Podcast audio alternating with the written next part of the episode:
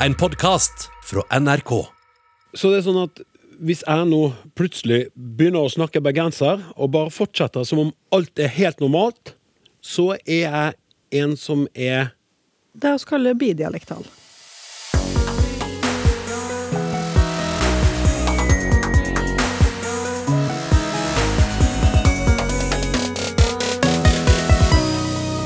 Språksnakk er programmet du hører på nå, og i dag så skal vi naile det å gi dere input på hvordan engelske ord og uttrykk blender seg inn i norsk helt random.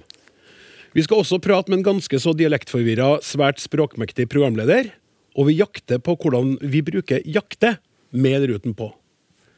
Dagens språkkompetente panel består av språkforsker Anne Mette Sunde, språkforsker Rikke van Ommeren og språkforsker Britt Mellum. Hjertelig velkommen, alle tre. Takk.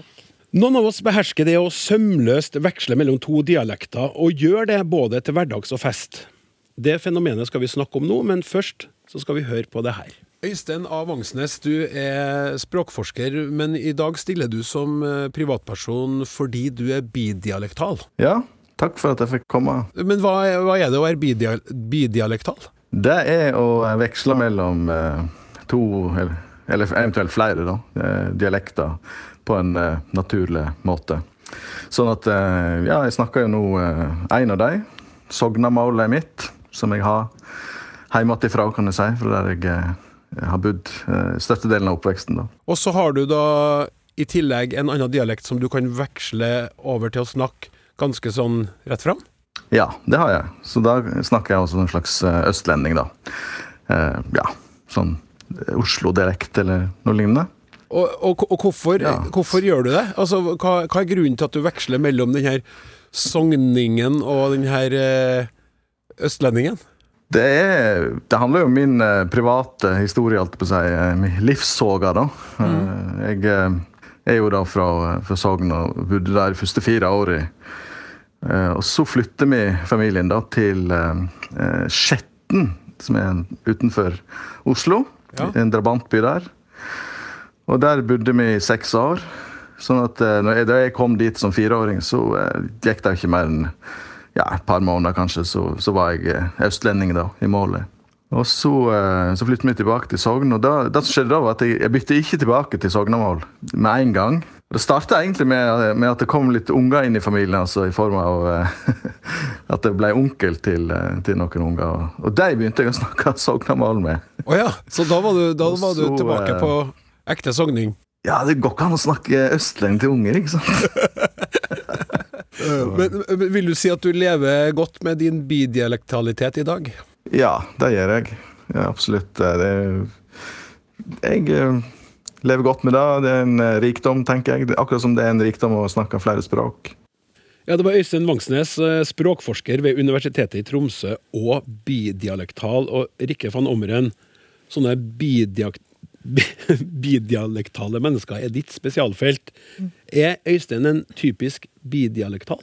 Ja, det han beskriver, er typisk for dem oss gjerne kaller bidialektale. Mange av de erfaringene han har, og bakgrunnen hans, og måten han har utvikla seg som bidialektal på, er, er ganske typisk, ja.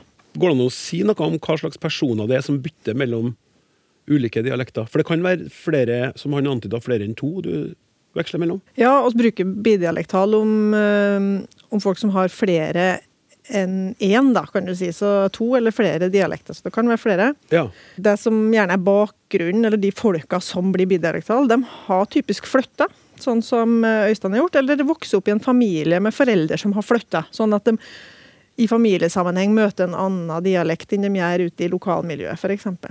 Så det blir litt som flerspråklighet, da. ja. Det det er noe sånn forflytning av folk som gjør at du kommer i kontakt med flere dialekter. Det handler om tilpasning. Det handler absolutt om tilpasning. Um, mange som uh, er bidialektale, vil ha tilegna seg et talemål først, og så kommer de i kontakt med en eller annen gruppe. Kanskje når de begynner på skolen eksempel, og går ut av hjemmesfæra eh, og familiesfæra og kommer inn i, i en, en gjeng med jevnaldra som eh, de er opptatt av å høre sammen med.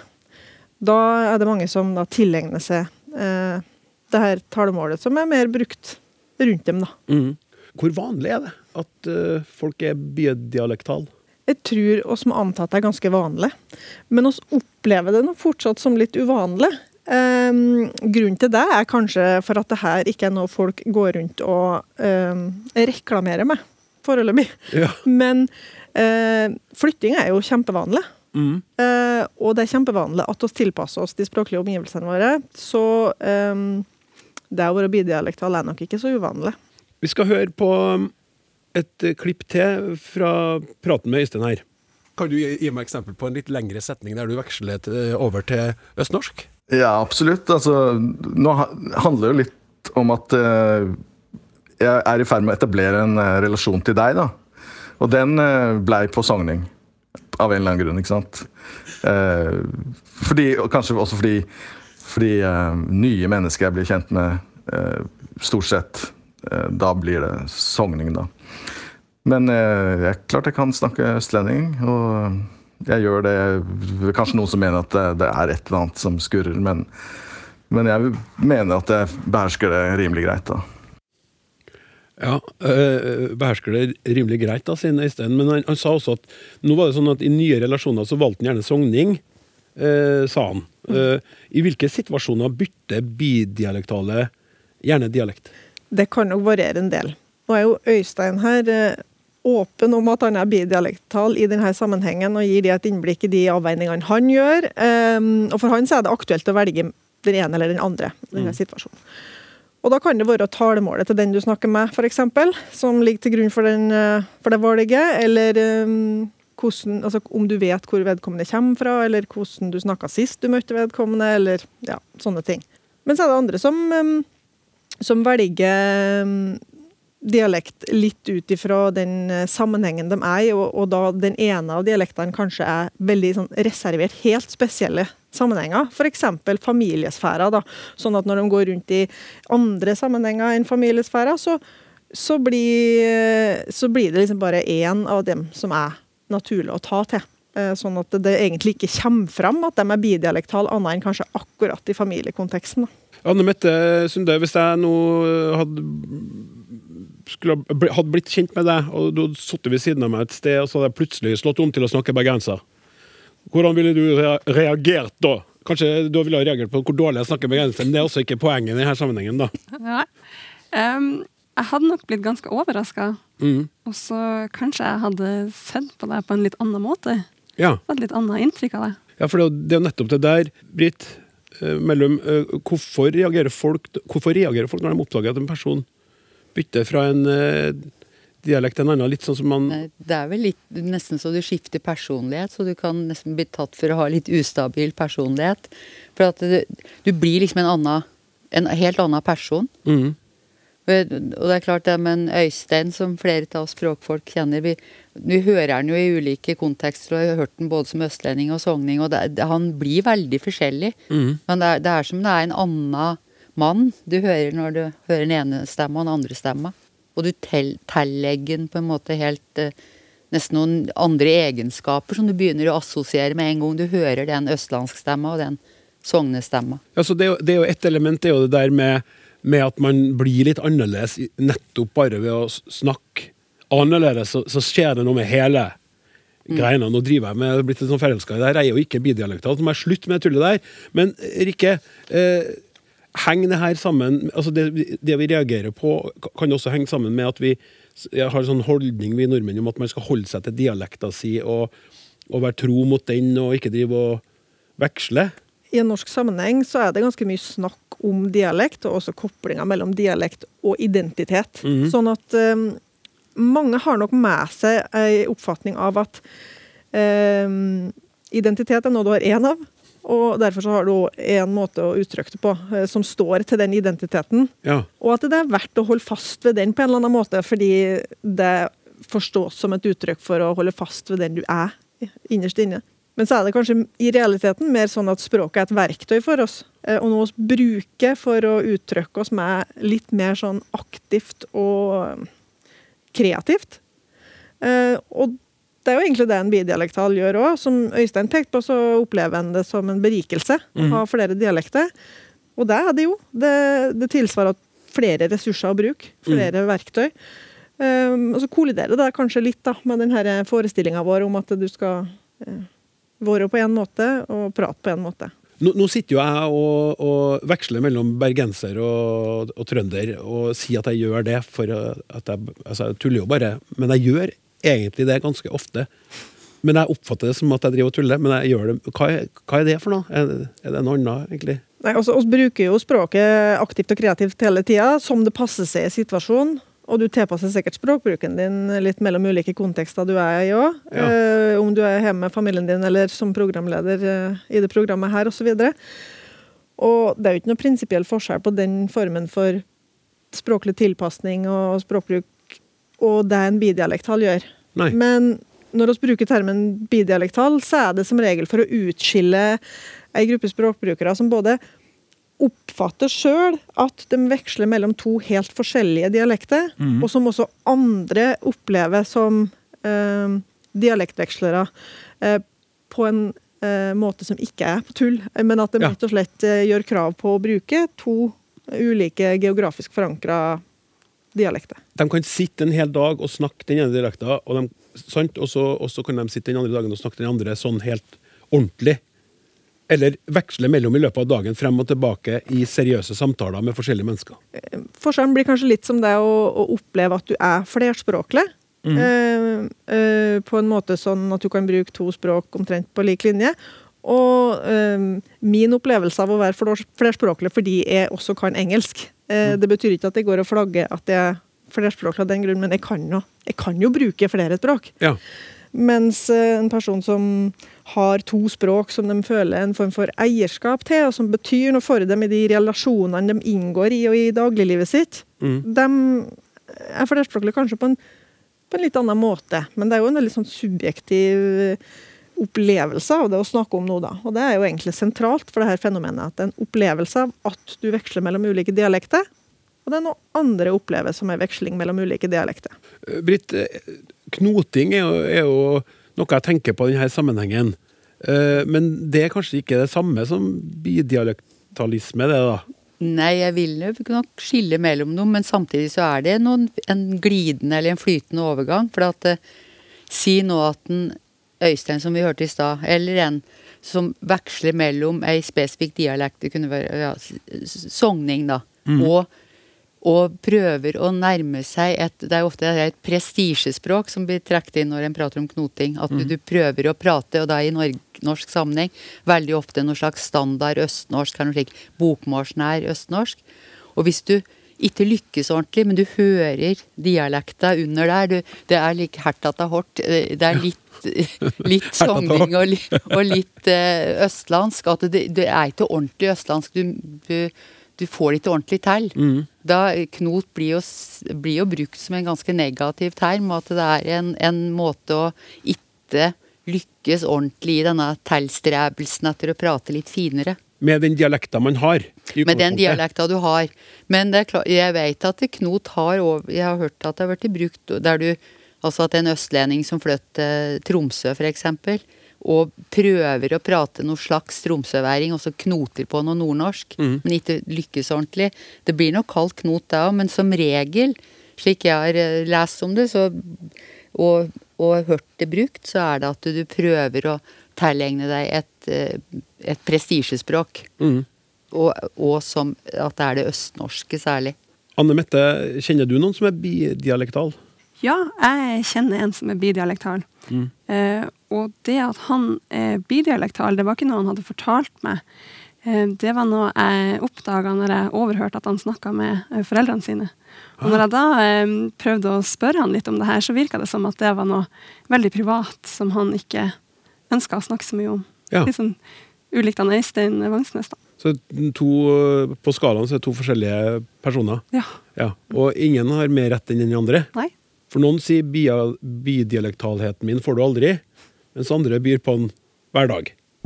Språksnakk. Forrige søndag så ba vi om hjelp til å få svar på et kulinarisk mysterium, og da ble det bra kok blant dere lyttere. Det var Egil Oppsal og hans familie som hadde brukt romjula på å diskutere hva man kaller den smaksrike substansen som ligger igjen i stekepanna etter at man har stekt en biff. Alle var enige om at det her er fantastisk godt, men hva heter det? Dere der ute i Norgesland tok utfordringa på strak arm, og det har hagla inn med meldinger og fine forslag til snakk krøllalfa.nrk.no. Pannebek, skriver Lars Kristian Nordby. Proteinglass foreslår Elinor Hjort Eriksen. Stekeglasur. Kokkene deglaserer stekepannen med litt væske og lager demiglass, melder Lars Tørresen. Helge Hustoft foreslår steikerest. Anne Gry Fløyen går for lykkerest. Mens Angunn Sørli våger seg på å foreslå snerk. Snerk er etter min mening et anvendelig og unødvendig negativt ladet ord som, ifølge internett, kan dannes når fett og eller proteiner avkjøles. Takk for morsomt og inspirerende program, skriver Nina Kristine Mjåtvedt og foreslår steikekraft. Det styrker smaken på maten når man bruker det inn i f.eks. saus. Steikekraft er også like anvendelig for vegetarisk mat, for steiking av f.eks. løk eller tomater gir også deilig søt kraft i steikepanna. Alexander han lanserer ordet primærsky. Andreas mener substansen kan kalles maliaressens, oppkalt etter franskmannen som ofte tilskrives æren for å forklare prosessene som bidrar til en slags karamellisering under stekeprosesser. Pål Jensen bidrar med gourmetgrums. Tom liker stekeknusp, og en annen lytter syns steikegull er treffende. Og så har vi en Tom Viktor Gausdal, som er en av Norges fremste kjøkkensjefer og forfatter av flere prisbelønte kokebøker, som svarte følgende da Språksnakk spurte han til råds. Kaller det bare umamibombe. Utrolig mange fine forslag, spør du meg, men når det er sagt, så er det ingen tvil om at flesteparten av dere ganske enkelt foretrekker sky. Er det virkelig ingen kokker som kjenner ordet steikesky lenger? skriver Bjørgil Kjelsvik. Det heter sky eller stekesky, melder Kjetil Aldrin. Jeg lager mat med glede, og vi kaller det dere beskriver sky, konstaterer Kari H. Hjelmtvedt. Jeg tenker vi lar selveste Øyvind Hellstrøm være tunga på vektskåla i denne saken. I en e-post skriver han til oss. På fransk kalles det le suc. Jeg vil kalle det stekesky på norsk. Da lukker vi kokeboka og erklærer smaken for oppklart. Nå er det klart for Ut med språket, og dagens svært språkinteresserte gjest er smått dialektforvirra, men snakker klart og tydelig til sine unge seere. Lydia Giselmann, hjertelig velkommen. Tusen takk. Du har vært programleder i Newton tidligere, Ja. og i dag så er du en av dem som står bak NRK-programmet og YouTube-kanalen og podkasten Unormal. Hva er unormal, og hvorfor heter det det? Unormal eh, starta jo som en YouTube-kanal. Vi legger jo også ut videoene på NRK TV, og nå også podkast, som du sier. Eh, og det her er jo et univers vi ønsker å skape for tenåringer. Mm. Litt for å hjelpe dem med å takle livet og takle eh, alt de måtte møte på sin vei. Ting Ja. som kanskje Ting som eh, virker som veldig store problemer for dem, og blir sett på som veldig små problemer for de som er eldre, fordi at man tenker at det går bra. Så tenker vi heller at kanskje kan det være fint å snakke på en annen måte enn eh, Ja. en de vanligvis får høre ting på. Ja, og ta det, de problemene på alvor, og gå inn i dem og finne ut av dem. Ja. Uh, og når du snakker til de unge seerne, tenker du på hvordan du snakker? Uh, eller kanskje du ikke gjør det lenger, men var du opptatt av det da du begynte med Unormal? Hvordan du skulle snakke til de her unge seerne? Jeg har jo et eh, Jeg har veldig lenge hatt et sånn sterkt behov for å ikke være hun som blir eh, eh, 30 og skriver et brev til seg sjøl, til tenårings-meg. Ti ting jeg skulle ønske jeg visste som tenåring. Altså det jo veldig, Vi har jo alle ting vi skulle ønske vi visste da vi var tenåring, men kan ikke de bare vite nå, da? Mm. Så da tenker jeg at jeg heller bare si ting rett ut nå, sånn at de heller kan få en litt enklere tenåringshverdag enn de fleste har hatt, da. Så du prøver å snakke altså, tydelig hva nå det betyr. Snakk. Ja. Altså, det uttrykket som jeg syns er litt for slitt, men som jeg, kan det være riktig å si at du snakker rett fra den såkalte levra, da? Ja, det prøver jeg i hvert fall. Ja. Og vi er jo en redaksjon som alle har et veldig stort ønske om å ta tak i kanskje tabubelagte tema. Snakke snakke litt dypere om ting. Vi har jo flere videoer om eh, mensen, eksempel, og vi har videoer om eh, Ja, nå kommer jeg bare på mensen. Det har vært veldig mye mensen. Men, eh, men det er jo ikke bare det vi snakker om. Vi snakker også om dypere ting. Vi har en eh, serie der vi tar opp eh, overgrepssaker. Eh, så det er liksom bare det å snakke åpent om ting som angår alle, eller de fleste i hvert fall. Og ta, ja, som du sier, da, ta målgruppa på alvor. Og vi får jo inn masse spørsmål, så det er jo klart at de lurer på det. De føler ikke at de har en annen kanal å gå til.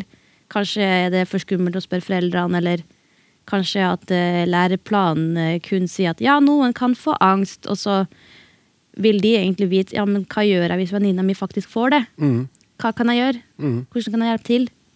De er ganske smart og oppdatert. De trenger bare kanskje å få verktøyene, Mm. og det får de ikke andre plasser. Diskuterer dere språk i redaksjonen? Ja, men eh, det er mer at vi tenker på hvordan vi sier det, ikke absolutt hva vi sier. Nei?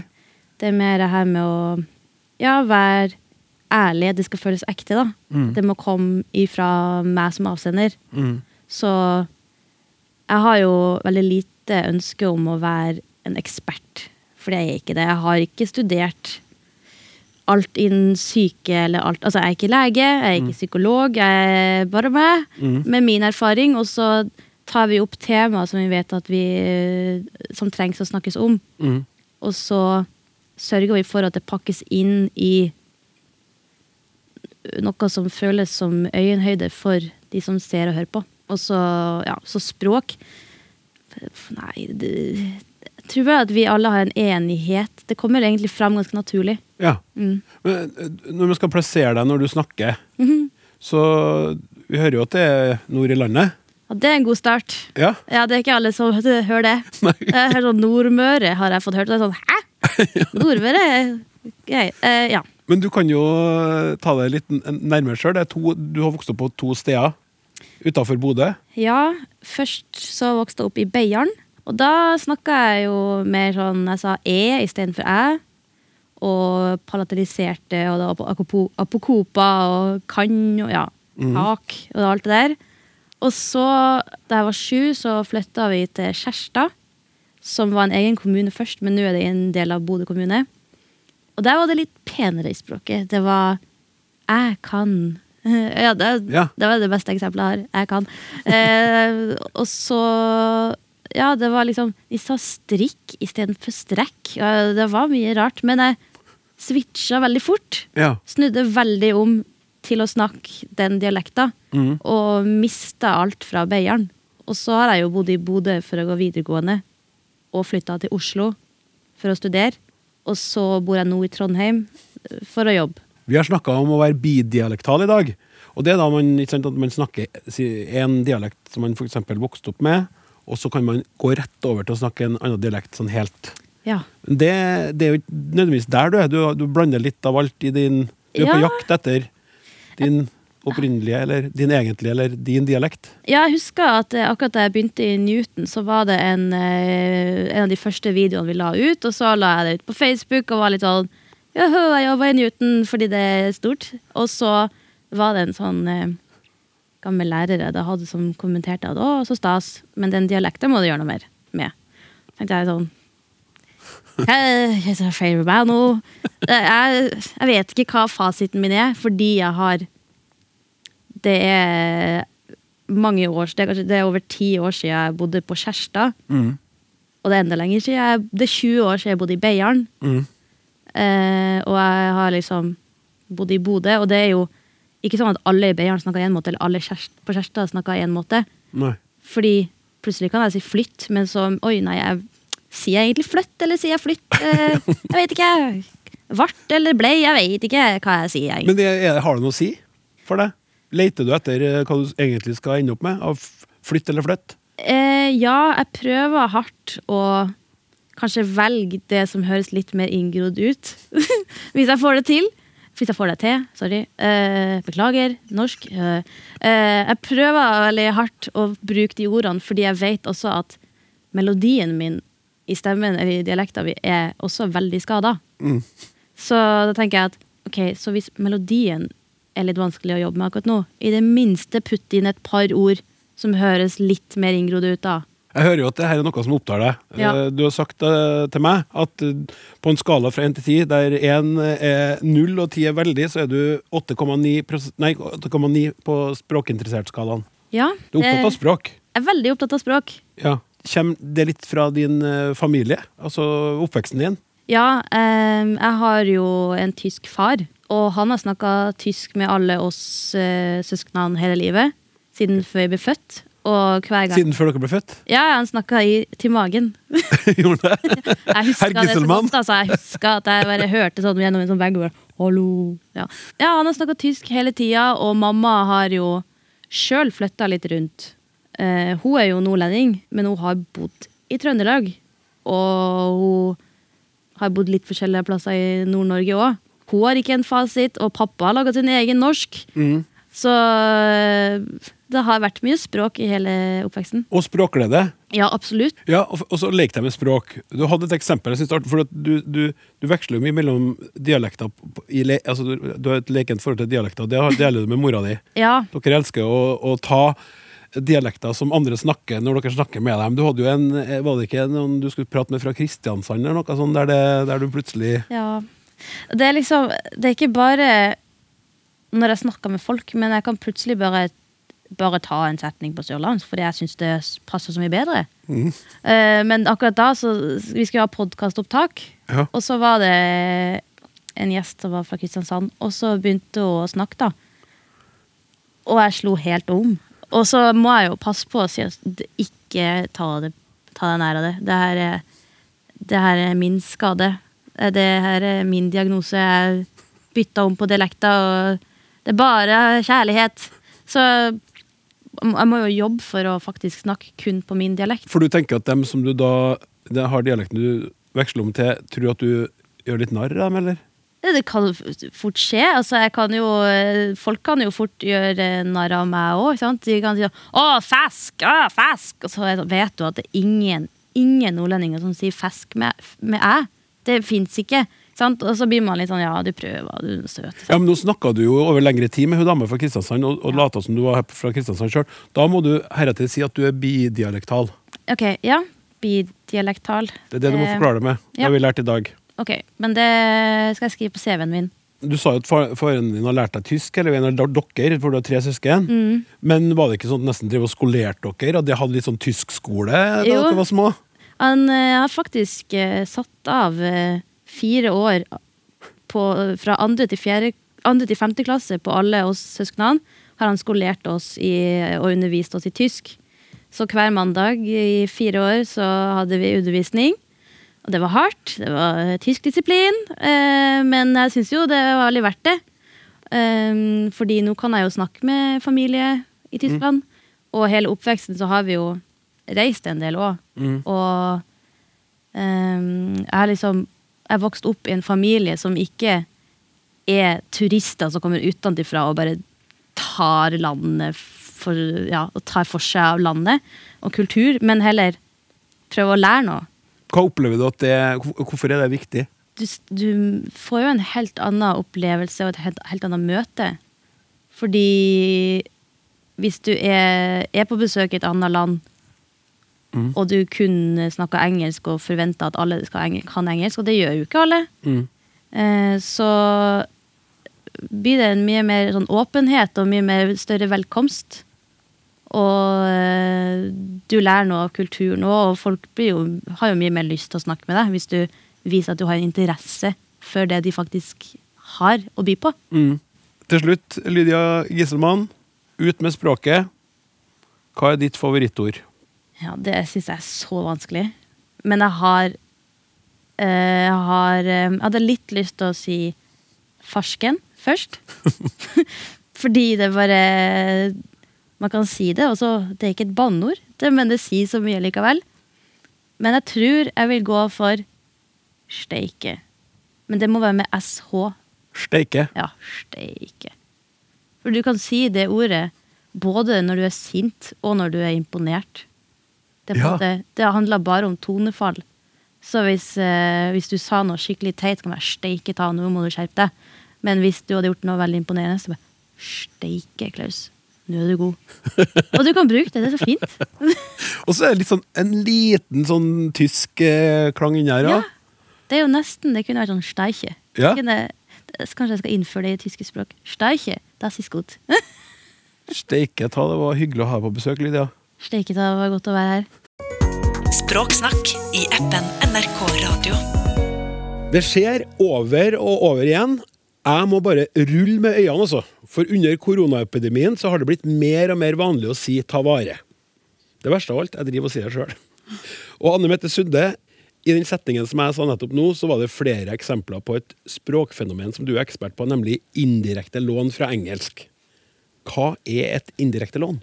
Eh, For å forklare det, så kan vi jo starte med å si hva et direktelån er. Og direkte lån det er ord og uttrykk som eh, tas opp i norsk i den formen de har på engelsk.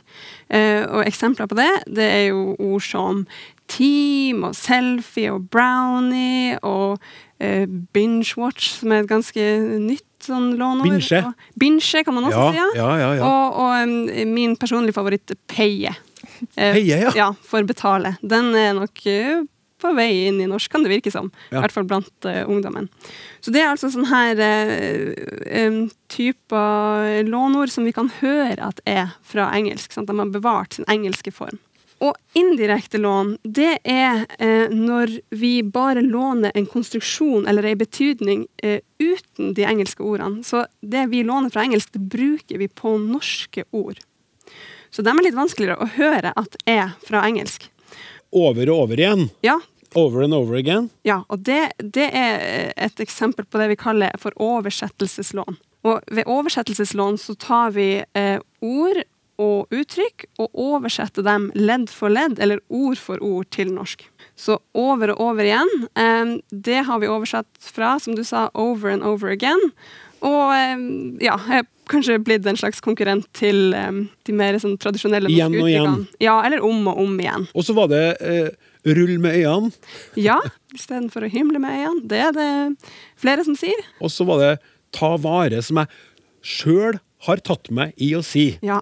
Og som jeg ikke har visst hvordan har havna inn i min munn. Ja. Og har vært litt sånn Jøss, har jeg begynt å si ta vare? Take care. Take care, ja. Rett og slett. Så ta vare på deg sjøl eller dere. Sant? Jeg har fått blitt litt sånn forkorta, da. Eh, muligens etter påvirkning fra engelsk take care. Finnes det det gjør det sikkert. Flere eksempler på indirekte lån fra engelsk. Og det finnes mange. Er det mange? Veldig mange. Vi har å stå ut. Det er oversatt fra stand out, og det betyr jo å skille seg ut. Så kan man høre og lese at folk eh, sier eller skriver 'i min mening' istedenfor 'etter min mening', fra eh, 'in my opinion'. Ja. Dag inn og dag ut er også et eksempel, for på norsk så sier vi egentlig, eller tradisjonelt, dag ut og dag inn. Ja. Men på engelsk så heter det day in And and day out. Og da har vi liksom snudd litt på den rekkefølgen i norsk også. I alle dager! Ja, vi har eksempler på sånn her oversettelseslån som faktisk bryter litt med norsk grammatikk.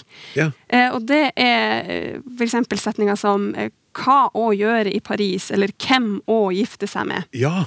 For på norsk eh, så må du egentlig i sånne her tilfeller ha et hjelpeverb og et subjekt. Sånn at eh, det heter eh, hva skal jeg gjøre i Paris, og hvem kan jeg gifte meg med? Men på engelsk så er det jo helt mulig å ha What to do in Paris? ja, da har man infinitiv eh, etter spørreord. Så what to do in Paris, som du sa, og who to marry. To marry, Så når vi begynner å bruke de her eh, konstruksjonene på norsk, så er det nok eh, pga. engelsk, og det bryter altså litt med ja, norsk grammatikk. Dypt fascinerende. Deeply fascinating. Når begynte sånne oversatte uttrykk å komme inn i det norske språket? Ja, akkurat det er jo litt vanskelig å si, men det fins en del sånne gamle oversatte ord og uttrykk. Eksempel frynsegode er et gammelt sånn etablert eh, oversettelseslån fra fringe benefit, Ah. og eh, kringkaste fra broadcast. Eh, og så et annet uttrykk er det her med å, at flyet tar av istedenfor at det letter. Sant? Det Ja. tar av fra takeoff. Um, så vi har jo noen sånne litt eldre eh, eksempler på eh, indirekte lån. Eh, men det som er interessant nå, det er jo at de synes å være i vekst. Ja. Vi ser flere og flere av dem. Og hvor finner man de her lånene? Eh, finner dem kanskje mest blant de unge og veldig engelskkompetente folkene. Mm. Som eh, har lært engelsk i eh, tidlig alder og eh, på en annen måte enn foreldrene og besteforeldrene sine, eh, som kanskje hovedsakelig har lært engelsk i skolen. Ja. For dem som er unge i dag, eh, de lærer veldig mye engelsk bare gjennom å høre og lese og bruke engelsk på fritida. Ja. Og utafor skolen, rett og slett. Gjenkjennelse fra min egen heim. Ja, Har barn som, som driver med sånt Ja, på altså, fritida. Og som, som tilegner seg engelsk i, i voldsom grad. Da. Ja. Mm. Og leser på engelsk. Bøker og tegneserier. Ja. Foretrekker det. Vil se filmer på engelsk istedenfor Mm. uh, å ha den norske oversettelsen av animasjonsfilmer. og Sånn. Men noe som er interessant her, er jo at dette brer seg jo oppover i aldersgrupper òg. For at der kan en jo nesten bare se på seg sjøl åssen For en 10-15 år siden, altså Ja, døll det er nok over min grense. Men altså, det, er- du kan si creepy, for eksempel. Kan Ja. jeg finne på å si noe det, for ti år siden? Jeg kunne aldri ha sagt det. Så det sprer seg oppover i aldersgruppen, og det, det kryper inn. eh, Slik at vi tar inn en del av disse orda, vi som er eldre òg. Ja, så absolutt. Men sånn så- som ta vare, da. At det plutselig Ja. dukker opp. Det må jo Ja, der går det langt over min grense, men altså men, eh, men det er jo Men jeg merker jeg har møtt folk som jeg ikke har sett på en stund, så plutselig hører jeg jøss. Du hadde så mye engelske låneord, eller slike influerte fra engelsk, da, som jeg aldri tror den personen hadde for en 10-15 år siden.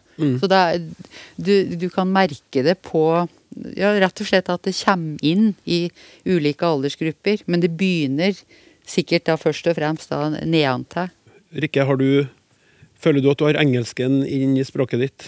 Er den, har den blanda seg inn i ditt norske språk? Ja, utvilsomt. Ja. Eh, en ting er noe sånn eh, direkte lån, som det helt klart har noe men eh, jeg blir stadig vekk eh, også obs på det sjøl, at jeg har eh, de her mer indirekte låna. Og jeg ble også gjort oppmerksom på det av dem som leser tekstene mine, f.eks. Eh, Brit. da. Ja, akkurat. så, som, som, eh, hva, hva, hva kjenner du på da? Er det sånn, sier du sånn Ops, og unnskyld. Sorry. Sier du sorry, da? Når det kommer til. Ja, når det kommer til, f.eks. Ja, Ja. nei, det er jo I første omgang, av og til så blir det jo sånn at jeg må tenke meg om. For, og det er jo litt av greia her òg, ikke sant. At eh, det her skjer jo fordi jeg på en måte har fått inn de her strukturene og ordene litt sånn bakveien uten at jeg sjøl er bevisst på det, og så inngår dem i språket mitt helt uten at det Mm. ser på det som noe brudd med noen norm. Ja. Eh, Så når jeg blir gjort oppmerksom på det, da, da ser jeg, jeg klarer jo å se det. ja. Eh, Men, eh, men i første runde da, så skjer det av seg sjøl. Anne Mette, hva er grunnen til at påvirkninga fra engelsk skjer på denne måten, litt sånn som Rikke beskriver nå? da? det eh, skyldes at det kan være litt vanskelig å holde språkene våre atskilt i hodet. For det er jo sånn at når vi eh, lærer norsk, og så lærer vi engelsk, så er det ikke sånn at de språkene vil lagres sånn atskilt fra hverandre som isolerte system. Istedenfor så er det jo vi som aktivt må holde språkene fra hverandre. Jeg så har ikke sånn norsk-lappen og engelsklappen oppi hjernen. Nei, det er ikke sånn det fungerer. Nei. Og da kan de gli over i hverandre. Og eh, da er det sånn at jevnt over så er det ganske lett å, å eh, holde kontroll på de her ulike ordene. Så jeg kan ganske lett eh, identifisere og holde kontroll på de norske ordene, og identifisere og holde kontroll på de engelske ordene. Så nå når jeg snakker norsk, så har ikke jeg noe problem med å ikke bruke engelske ord. Og når jeg snakker på engelsk, da, så har jeg tilsvarende ikke noe problem med å bruke bare engelske ord og ikke norske. Men eh, når det gjelder visse typer konstruksjoner, så kan det virke som at de her er litt vanskeligere å holde kontroll på. Så det er eh, rett og slett litt vanskelig å vite hva slags uttrykk som eh, tilhører eh, norsk og bare fungerer på norsk, og hva slags uttrykk som tilhører og bare fungerer på engelsk. Det som skjer da, er jo at når vi snakker norsk, så har vi ikke noe problem med å velge de her norske ordene, for dem har vi god kontroll på. Men så kan det altså snike seg inn en engelsk konstruksjon som vi da bruker på norsk. Som det jo gjør. Som det gjør. Og som man ikke helt skjønner hvordan dukker opp. Og man noen gang tenker eh, For, for det sånn som, Nå snakker jeg kun for meg sjøl, så skal du få korrigere meg. eh, Eller eh, utfylle. Altså, jeg tenk, kan jo også da tenke at det er tatt fra noe dialekt. At jeg ikke helt, at jeg ikke engang helt skjønner Hvis jeg reflekterer ordentlig over det, tenker jeg ja, hvorfor jeg begynner å si det? Det er sikkert noen andre som sier det. Jeg tenker ikke på at det er engelsk engang. Ja. Ta vare, for eksempel. Ja, det er så åpenbart at jeg skjønte ikke at det kom fra take care. Nei. Jeg har hørt, jeg sikkert lest, og så tenker jeg at det Ja. Ta vare! Ja. Jeg tenkte noe sånt, det var noen som sa Ja. det. tre år siden. Er, er det sånn det er, da? At vi ikke, vi, vi, den identifiseringa er ikke like enkelt, for at vi tror Vi er ikke helt sikre på om det faktisk er norsk. For Grensen mellom språka det er jo ikke noe som er opplest og vedtatt. altså det er, og Til slutt, når en konstruksjon har brukt mange nok ganger, så, så veit vi jo ikke lenger, vi som språkbrukere, hvor det kom ifra. Og til slutt så blir det jo det som var feil, i anførselstegn, før, eller engelsk, da, er jo nå såpass mye brukt at vi ser på det som norsk. Og det er jo nettopp slik endring skjer. Så, det, så gradvis så slipes jo grensen ned. Har det her noe å si? Det at vi bruker engelske ord og uttrykk i det norske språket? Så språket endrer seg jo hele tida. Så det er jo helt eh, vanlig og normalt, det. Eh, det som eventuelt er litt dumt, det er jo hvis årsaken til at vi låner inn så mye som vi gjør fra engelsk, er at vi har en sånn veldig beundrerholdning til engelsk, og at vi eh, ja, ser opp til å vurdere engelsk som et mer prestisjefylt språk enn norsk, som vi liksom da kanskje ser litt ned på. Ja. Det er ikke noe bra, for vi vil jo at norsk skal være et sånn samfunnsbærende språk og dugende til alt. Nei, det er jo typisk eh, at altså, kan si, vanlige folk, vanlige språkbrukere som ikke er språkforskere, er, mange er veldig bekymret for at engelsken spiser seg innpå og ødelegger norsken og tar over for norsken. Uh, mens språkforskere flest er Vi er mer slik vi, Å, det er kjempeinteressant at vi ser på endringer som skjer, og at det er så spennende og slik. Men det er klart, det som de aller fleste språkforskere òg er bekymret for, er jo hvis engelsken tar over, slik at den tar over hele domener, da, som vi kaller det. Si f.eks. innenfor akademia. Altså at engelsk blir brukt som forskningsspråk. Og undervisningsspråk òg, f.eks. på Universitetet her i Trondheim. Slik at da er jo mange som blir bekymret. Men det er forskjell på det at det, hele domenet faller bort, kan du si, og det at, eh, at det kryper innpå eh, både litt slik strukturelle indirekte lån, som Anne Mette prater om, og ordlån, da. Altså importord som vi bruker. Så det er jo forskjell eh, Det er forskjell på um, fare... Jeg skal si faregraden. Det er jo ingen grenser mellom språk, mer enn inni hugga vår eller forestillingsverden vår. Og det er, noen har jo trukket fram, prater om språking, eller altså at du, du ser mer på hele det språket du har tilgjengelig hos deg, i ditt hugge, som en slags pool, da. Som du bruker bare fra, de elementene som du kan, passer seg å bruke i den aktuelle situasjonen. Og så blir det ei blanding, da, kan du si. Men som ikke er noe problem for den som prater, men det kan være, bli et, en slags provokasjon for åpenbart for noen i omgivelsene dine. da. Jeg forstår det sånn at selv, dere opplever at selv om vi at språket er i stadig utvikling, det norske språket, så må vi ta, ta vare på det. Og nå brukte jeg 'ta vare på' helt riktig måte, mener jeg sjøl. Jeg vil si tusen hjertelig thank you til dere alle tre for denne, for denne praten. Nå skal vi over til lytterspørsmål. Spørsmål sendes altså til snakk.krøllalfa.nrk.no. Her har det kommet fra Lisbeth Rikke, som går til deg. Hei! Hører på dere og koser meg. Dere har brukt ordet kontekst veldig mye. Det må være eh, i sending vi hadde forrige søndag, tror jeg. Kan dere oversette det? det Ja. Kan du det, Rikke? Ja, jeg kan jo Eller forklare det, rett og slett. da. prøve å forklare det litt. Ja. Eh, men det her er jo et, sånt, det et kjempestort spørsmål å stille en språkviter, egentlig. Ja. Det er litt sånn som kan få eh, hodet til en språkviter til å eksplodere. Så det, for det er mye han kan ta tak i. Men helt enkelt eh, så handler det om sammenhengen nå står i. Ja. Eh, og så bruker du jo utafor eh, liksom, samtaler om språk, med politisk kontekst, historisk kontekst, og å ta noe ut av kontekst. Det handler om å ta ting ut av sin sammenheng. Mm. Men når vi snakker om språk og kommunikasjon, så vil vi ofte legge kanskje noe mer spesifikt i, i kontekst. Um, og da blir det fort litt uh, komplisert òg. Jaha. Så det handler fortsatt om omgivelsene for eh, et eller annet språklig fenomen eller, eh, eller noe språklig. Eh, men så kan vi se på litt ulike lag av den sammenhengen. Ulike lag av kontekst. Så det kan f.eks. være ei ytring eller et ord eller noe. Det har en veldig nær kontekst, altså omgivelsene til ordet eller ytringa helt lokalt i en tekst eller i en samtale, som kan være interessant. Så kan det være situasjonskonteksten, altså hvem er til stede i konteksten, hvilke roller har oss, øh, hvilket formål har oss med at oss er sammen. Det er en del av konteksten. Og så kan det være den helt store makrokonteksten, samfunnskonteksten og kulturkonteksten, og alt oss bringer med oss inn i en lesning av en tekst eller i samtalene vi har, eh, som tilhører kunnskapen vår om eh, kultur. Eh, altså eh, alle sånne konvensjoner, normer og forestillinger vi har om hva som er vanlig og uvanlig å gjøre og sånt. da.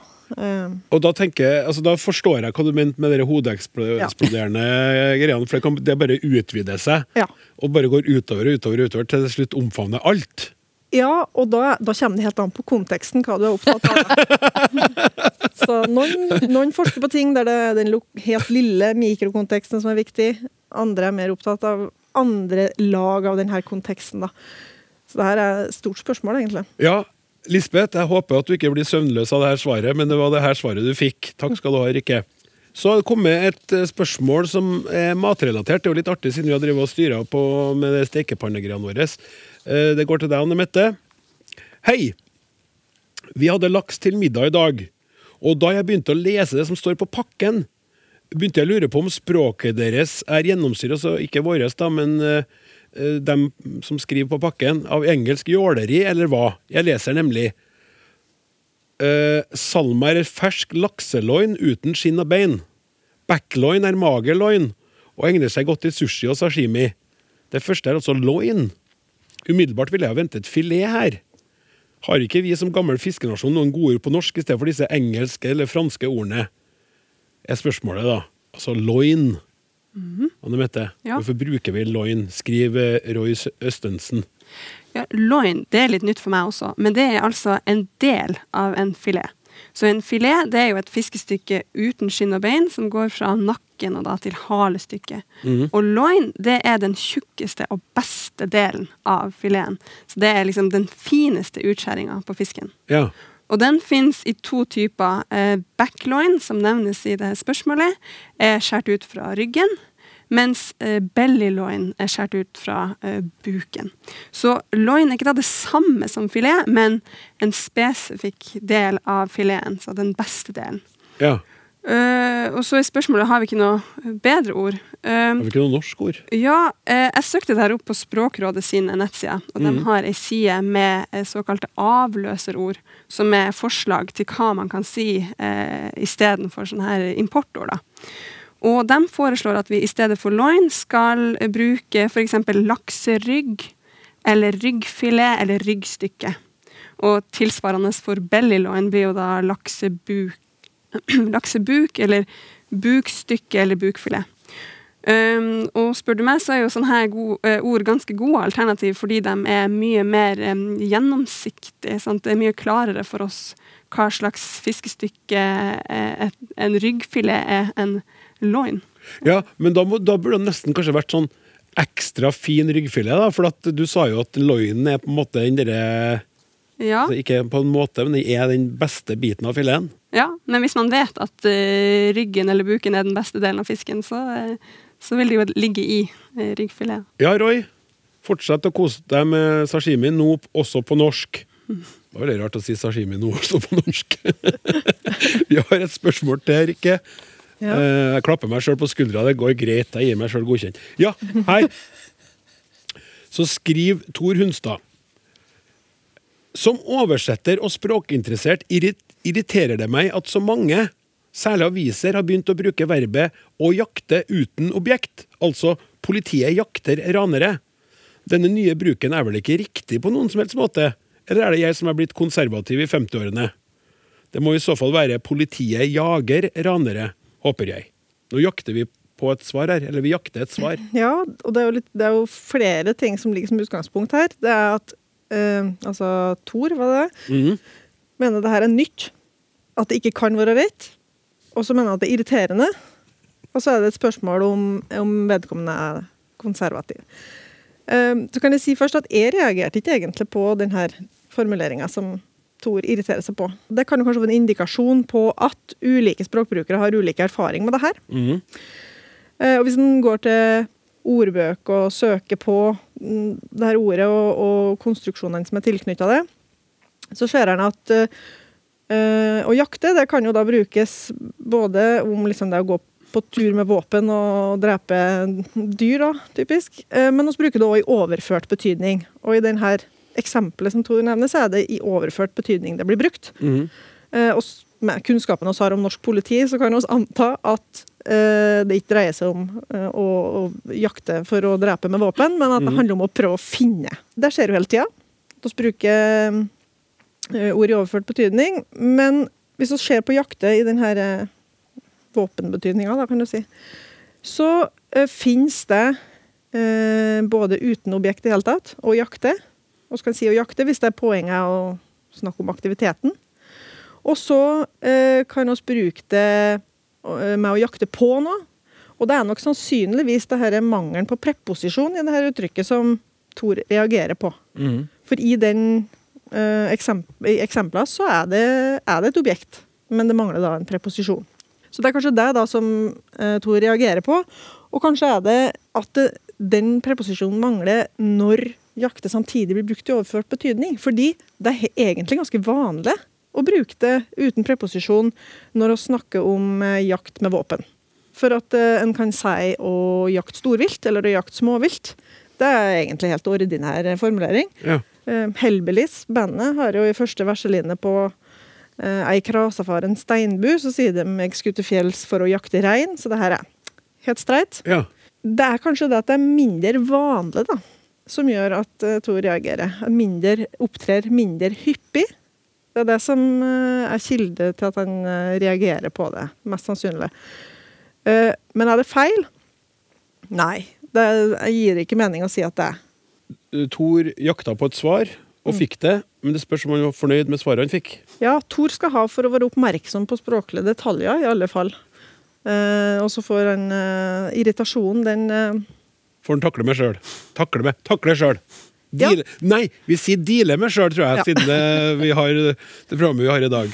Det får, eh, da setter vi sluttstrek for uh, lytterspørsmålene. Jeg gjentar, har du et spørsmål, eller har du noe du lurer på, eller irriterer deg over, skriv til snakk krøllalfa nrk.no. Språksnakk er slutt for i dag. Tusen takk til panelet vårt. Produsent Hilde Håbjørg. Tekniker Martin Våge. Eh, I redaksjonen Randi Lillealteren, og jeg heter Klaus Sonstad. Vi snakkes! Du har hørt en podkast fra NRK. Hør flere podkaster og din favorittkanal i appen NRK Radio. En podkast fra NRK. Teige lydstudio, en ny ukentlig sketsjepodkast. Du snakker med Thomas? I dette studio fylles timeplanen opp av ræl. Som kompisgjenger som tror de er nye Radioresepsjonen. Snus i forhuden! Snus i forhuden! Ja, og smalere konsepter som skrelling og skravling. Jeg liker disse mandelpotetene, men det er litt vanskelig å skrelle når de er så små. Og Christian Borch leser inn en spenningsroman Der sto hun, morderen. av Aune Sand. Jordbærene traff kamskjellet som en duft av champagne.